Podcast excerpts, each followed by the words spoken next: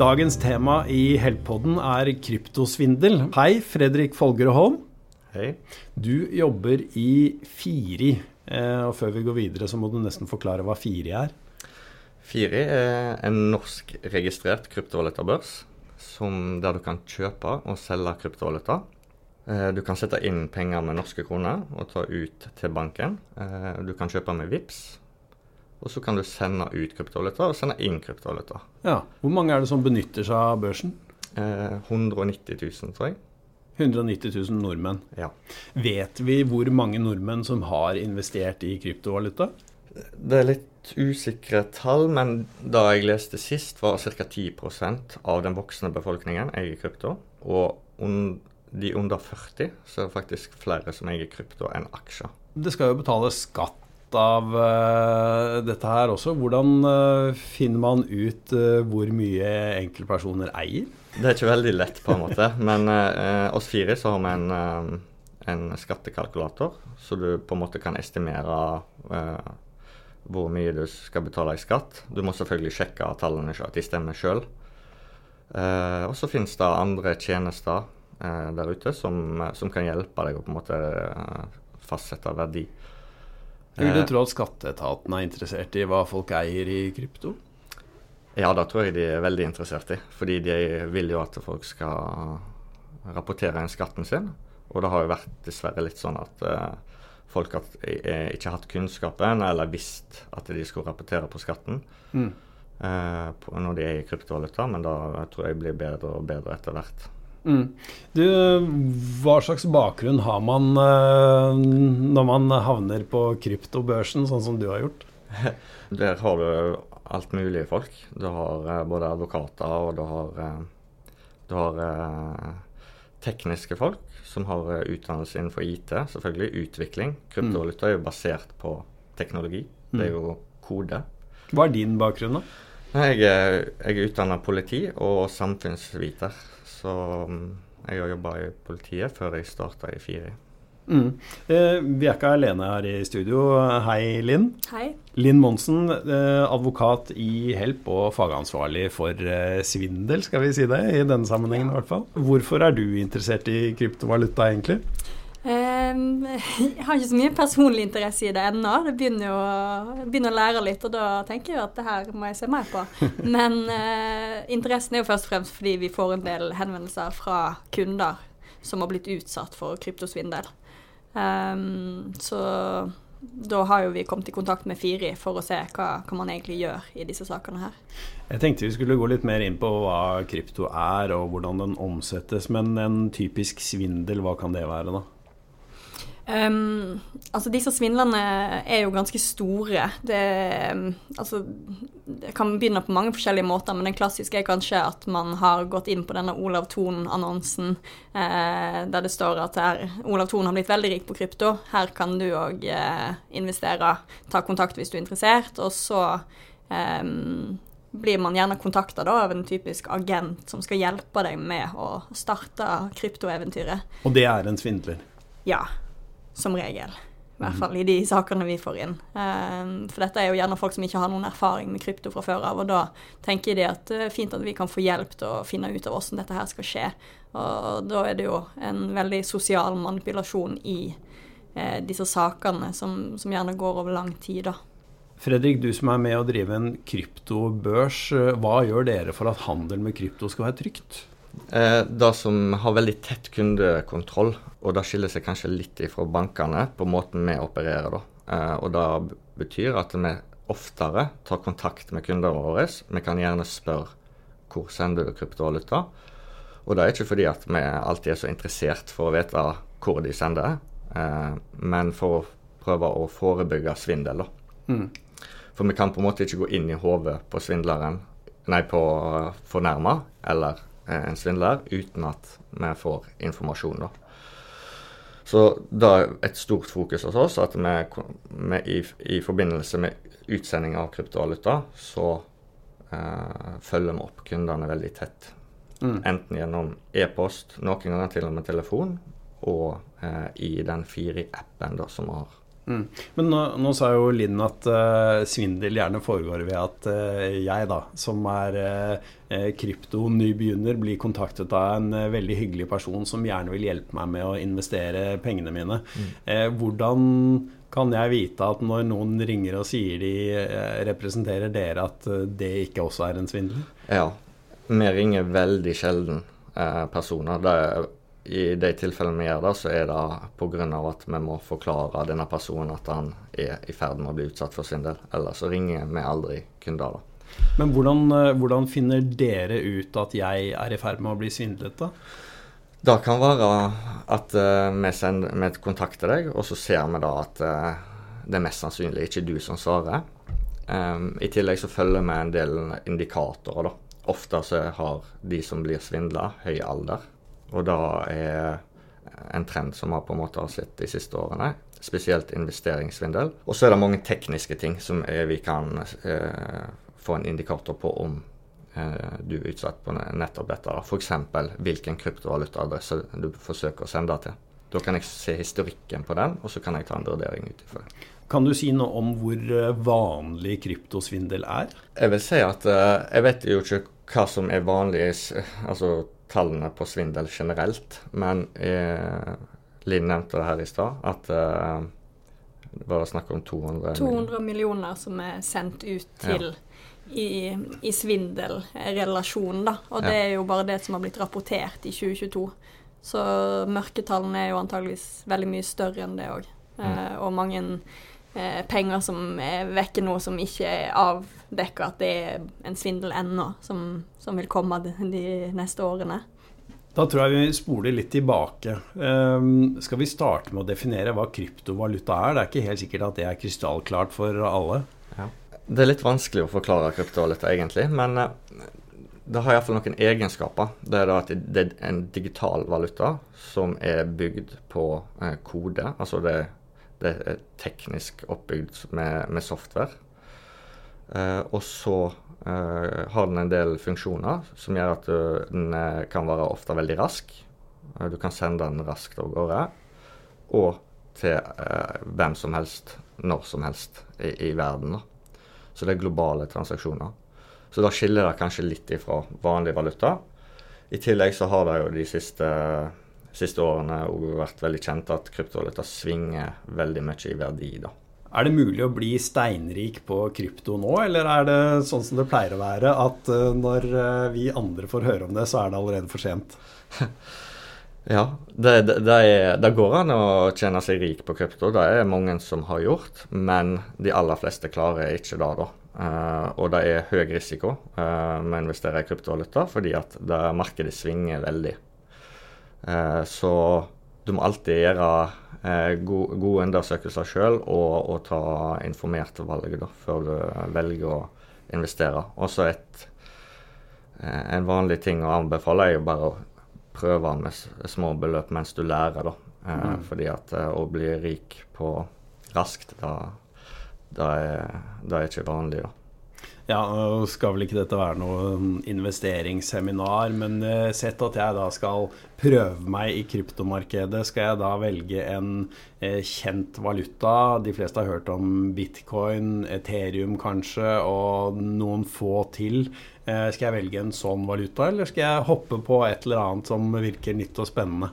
Ja, Altså, Det må jo være opp til den hver, hver enkelt, men da for en nybegynner så er det alltid lurt å, å kanskje se på de som har litt historikk, da. Og det har jo Ethereum og bitcoin eh, den lengs, eh, så lang historikk, og har vist seg å på en måte holde en viss eh, verdi da over, over, tid. Selv om de har svingt veldig mye verdi, de òg, så har de på en måte vært, vært i toppen da, av det som er vanlig å investere i ja. Eh, lenge. Så det er kanskje det lureste, så lese seg opp på hva er forskjellen på bitcoin og Ethereum. For det er ganske stor forskjell. Sånn i bærekraftsammenheng, da, eh, så har man jo hørt at det er utrolig energikrevende å lage kryptovaluta. Eh, er dette liksom en valuta for fremtiden? Ja. Eh, jeg skjønner at du sier det, da. Ja, altså eh, Bitcoin den krever mye energi. Eh, og, og det kommer på en måte mest sannsynlig alltid til å gjøre. Fordi at du må bruke mye energi for å sikre at nettverket da, og godkjenne transaksjoner. Eh, mens Ethereum den krevde mye energi før, men har gått over til en løsning nå der han ikke krever så mye energi lenger. Ok, Så det er mulig å velge bærekraftig innen krypto også? Ja, for, for mange kryptovaluta så er det Så du kan velge å investere i, i kryptovaluta som ikke krever så mye energi, da. Mm. Men um, det er mange ting jeg ikke skjønner, men uh, en av dem er at noen hevder at uh, krypto er det mest uh, anonyme. Skal du hvitvaske, skal du trylle bort uh, penger, så er krypto det flotteste. det er gjerne motstanderne som sier. Tilhengerne de argumenterer ofte med at men alt er helt åpent i omsetning av krypto. Hva er det som er riktig, egentlig? Ja, det, det, det er jo på en måte rett begge deler. krypto er delvis anonymt. Eh, og, men nå er det mange eh, de siste årene så er flere analyseselskap som spesialiserer seg på å på en måte analysere dataen på kryptonettverket. Og Det gjør at jeg kan f.eks. se at du sender til, til Firi, men jeg kan ikke se at du sender til meg, hvis du skjønner. Sånn som så eh, kanskje en bank banktransaksjon så kan du ser at eh, du sender til Linn, mens da kan du ikke med krypto. Du kan bare se destinasjonen. Eh, men du kan, det er veldig lett å se f.eks. hvis du kjøper en vare, så kan jeg se eh, hvilken type vare eller hvilken type markedsplass du har kjøpt den varen. da.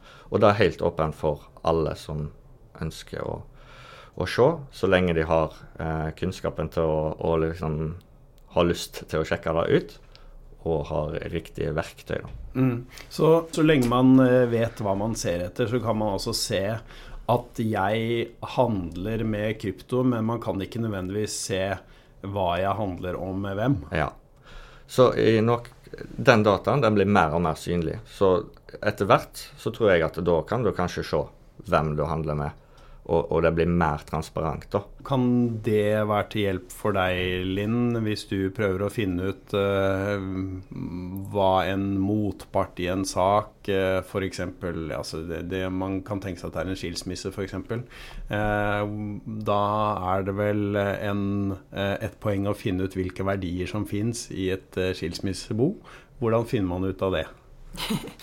um, ja, altså litt, Hvis jeg har forstått Fredrik rett, så er man jo avhengig av å vite på en måte eh, hvor starta det. Altså ha denne koden som er på en måte bankkontonummeret. Eh, og hvis man har det utgangspunktet, så kan man vel følge eh, pengestrømmen videre. Men man er jo da avhengig av å faktisk sitte på den innledende informasjonen der da, for å kunne eh, lete videre hva midler fins. Det er alltid det du må ha. Altså, eh, du må starte med kryptovalutaadresser som du kan sammenligne med et kontonummer. Og fra den så kan du se hvor transaksjonene går. da. Så hvis eh, det er en part i et skilsmisseoppgjør f.eks., så hvis du har en kryptovalutaadresse, så kan du på en måte se på transaksjonene eh, hvor den personen kan ha eh, kryptovaluta, f.eks. Eh, om man har kryptovaluta på Firi, fordi da har han en transaksjon som går til Firi. Så jeg har forstått sånn at så hvis man tar kontakt med Firi på samme måte som en annen bank, så, så kan man få en slags kontoutskrift hva, hva midler har i hvert fall vært her på et eller annet tidspunkt. Ja, ja kun, kun, på din egen konto, da, selvfølgelig. Ja. Men, eh, men, eh, du kan få den, en slags skatterapport, da. Eh, det er jo det som er hensikten med den rapporten, er at du kan se eh, formuen du hadde ved eh, nyåret, og så gevinst og tap, da.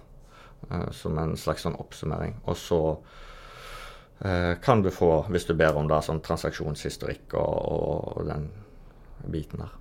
Men er du da avhengig av, for å finne ut noe om min kryptohandel, er du da avhengig av at jeg er villig til å oppgi mitt eh, kontonummer, kall det det? da? Ja, altså du har jo to ting. da, Det som skjer på Firi, det er jo det er bare du som har tilgang til. sant? Det er jo som en bankkonto, det er bare du som eier det. Men med en gang Altså det som skjer på blokkjeden Hvis du hadde sendt ut kryptovaluta fra Firi, da, mm. så, havner, så, sender du det til ei adresse. Og den adressa, den er offentlig. Og det, eh, F.eks. hvis du tar Ethereum-nettverket.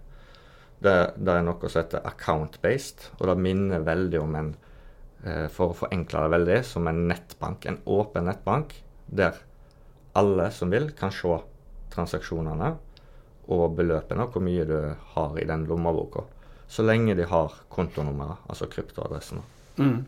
Eh, vi skal gå litt, eh, litt, mer inn på Syndel. Eh, Linn nevnte én type svindel. Jeg blir kontaktet av en hyggelig person fordi jeg har klikket på en lenke eh, der jeg ville lese om hvordan Olav Thon eh, tjente så veldig mange millioner på krypto, f.eks. Klikk på den, og så registrerer jeg meg sikkert på en eller annen måte, og så blir jeg kontaktet. Er det andre måter å svindle med krypto på? Ja, det er mange måter å svindle med krypto på. Eh, men de store sånn, eh, altså investeringssvindel, det er gjerne den typen der. Du blir kontakta på en eller annen måte, og, og, du på en måte går inn i en slags relasjon nesten med svindleren. da. Ja, de bygger jo et veldig tillitsforhold over lang tid, på samme måte som i en kjærlighetssvindel. Ja. Eh, og gjerne over mange år. Eh, det som er litt interessant med den sosiale manipulasjonen, at det er på en måte den personen de går til når de begynner å bli usikre på om eh, er dette her eh, Går det så bra som det ser ut som? Og det jeg har fått med meg, er jo at de òg gjerne, disse svindlerne eh, sier kanskje til offeret at uh, du kan bli kontakta av banken, fordi de syns ikke at uh, denne type investering er uh, en fornuftig måte å gjøre ting på, og de taper penger på at uh, folk uh, investerer i krypto istedenfor. Så hvis de tar kontakt med deg, så må du si sånn og sånn. Sånn at Til og med i de tilfellene der banken faktisk prøver å stoppe uh, svindel fordi de ser at det her, dette her ser suspekt ut, så, så har svindlerne manipulert offeret så godt at de ikke tror på det heller. La oss si at uh, vi får inn en uh, sak uh, som handler om en skilsmisse, et samlivsbrudd. Og så representerer Linn her den ene parten, og så skal man prøve å finne ut hva, hva, hva, inngår i dette skilsmisseboet? Hva er, de, hva er det disse to partene egentlig eier? Hvilke råd vil du da gi til advokaten her om hvordan hun skal gå fram for å avklare det? Ja, Det første altså, det er jo å få part, at partene til å snakke i lag og være ærlige og oppgi uh, det de eier, på en måte. Ja. Men altså det, det, som du kan gjøre, er på en måte å, å få undersøke om en part eier kryptovaluta. Så er det altså det, de vanlige tradisjonelle tingene, som å se bankkontoutskrifter, eh, om det er overførsler til kryptovekslere um, korthistorikk, uh, e-posthistorikk. E Ofte får du e-post uh, hvis du har kjøpt kryptovaluta. Det er noe krypto bør veksle og ofte sende ut. Eller så kan du, hvis du har vært borti kryptovaluta før, så kan du eh, få hjelp eller få noen til å gå inn på på en måte blokkjeden og så se om, om det ligger noen verdier på de og de kryptoadressene. Mm. Nå har du nevnt et annet begrep et par ganger, blokkjeden. Eh. Hvordan skal vi forklare det? Blokkjeden, det er, det, det er der på en måte kryptovalutaen er. Sant? Hvis du tar uh, Ethereum eller bitcoin, så, så, er det nettverk. Og de nettverkene de har en på en måte kryptovaluta. Så det er det mange forbinder med bitcoin og Ethereum. Og, og, og på de blokkjedene der så kan du se alle transaksjoner offentlig. Eh, du kan følge transaksjonene, og du kan se verdiene, og alt er på en måte tilgjengelig uh, av det som skjer på nettverket. Som Fredrik sier, så kan man altså eh, be om innsyn og be om at eh, motparten, f.eks. en skilsmissesak, eh, legger frem dokumentasjon og kontoutskrifter eh, osv. Um, men uh, man skal kanskje være så ærlig å si at det er grenser for hvor uh, mye innsyn man kan få? Ja, man må jo ha et uh, lite hint der som et utgangspunkt. Da. Altså, hvis dette er en ærlig person, så skal det jo da òg framkomme av skattemeldingen at man har verdier i krypto. Mm. Men, men, det er jo fortsatt i stor grad basert på sjølrapportering. Sånn at hvis man ikke skatter på kryptoen, så har man heller ingen hint på Da er det kanskje fordi ektefellen har sagt noe om at det, det driver jeg med. men da, da, må man egentlig kreve innsyn og håpe at man får det. Fordi det blir litt som å lete etter nåla i høystakken, egentlig. Mhm. Med mindre man får disse informasjonen om hvor, hvor man kan lete, da, så, så, er man avhengig av at den andre parten er ærlig mhm. fortsatt. Mm. Eh, Fredrik, kan jeg ha så mange sånne kontonumre eller kryptokoder som jeg vil? Ja, du, da kan du. Og så kan du ha det på forskjellige nettverk som er og forskjellige kryptovaluta. Så selv om du eh, kan finne ut om en part har én eh, konto, så kan han ha en annen en annen plass. Mm. Eh, og veldig mange som driver med kryptovaluta, har veldig mange kontoer. De bruker forskjellige kryptovaluta-børser, og så bruker de forskjellige kryptovaluta. Så det er liksom For å få et helhetsbilde, så er det en stor jobb. Og da det merker jo ofte folk som skal rapportere på skatten òg, at det er en stor jobb. Eh, og det er komplisert fordi at de bruker forskjellige kryptobørser og forskjellige kryptovaluta. Og da blir det ofte litt eh, kronglete. Så skatteetaten kan egentlig ikke forvente at eh, folk skal klare å holde styr på hva de egentlig eier i krypto? Jo, da tror jeg de forventer. de må da, og folk har på en måte ansvar for å ha kontroll på dette sjøl.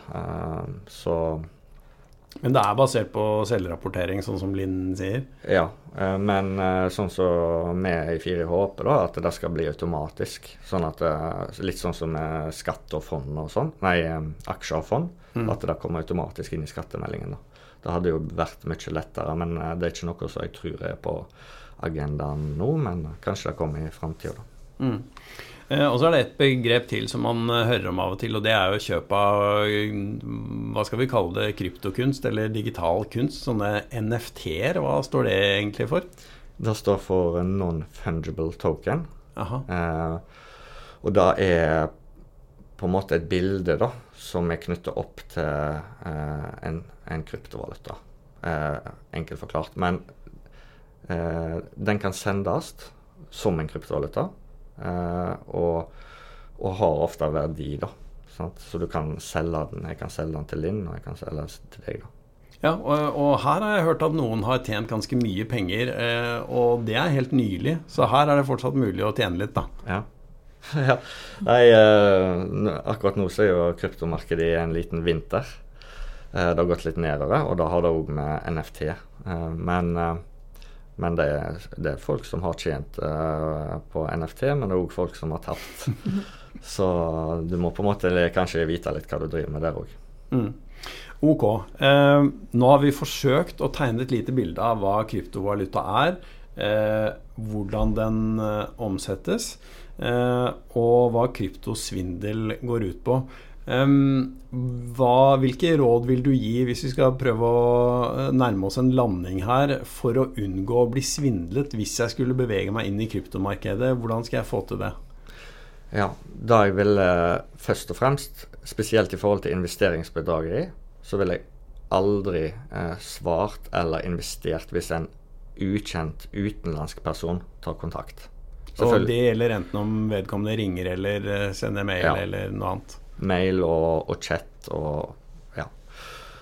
Så da, det er iallfall eh, den første regelen. Eh, og så vil jeg eh, Det er jo noen kryptovalutaprosjekt som ikke er seriøse.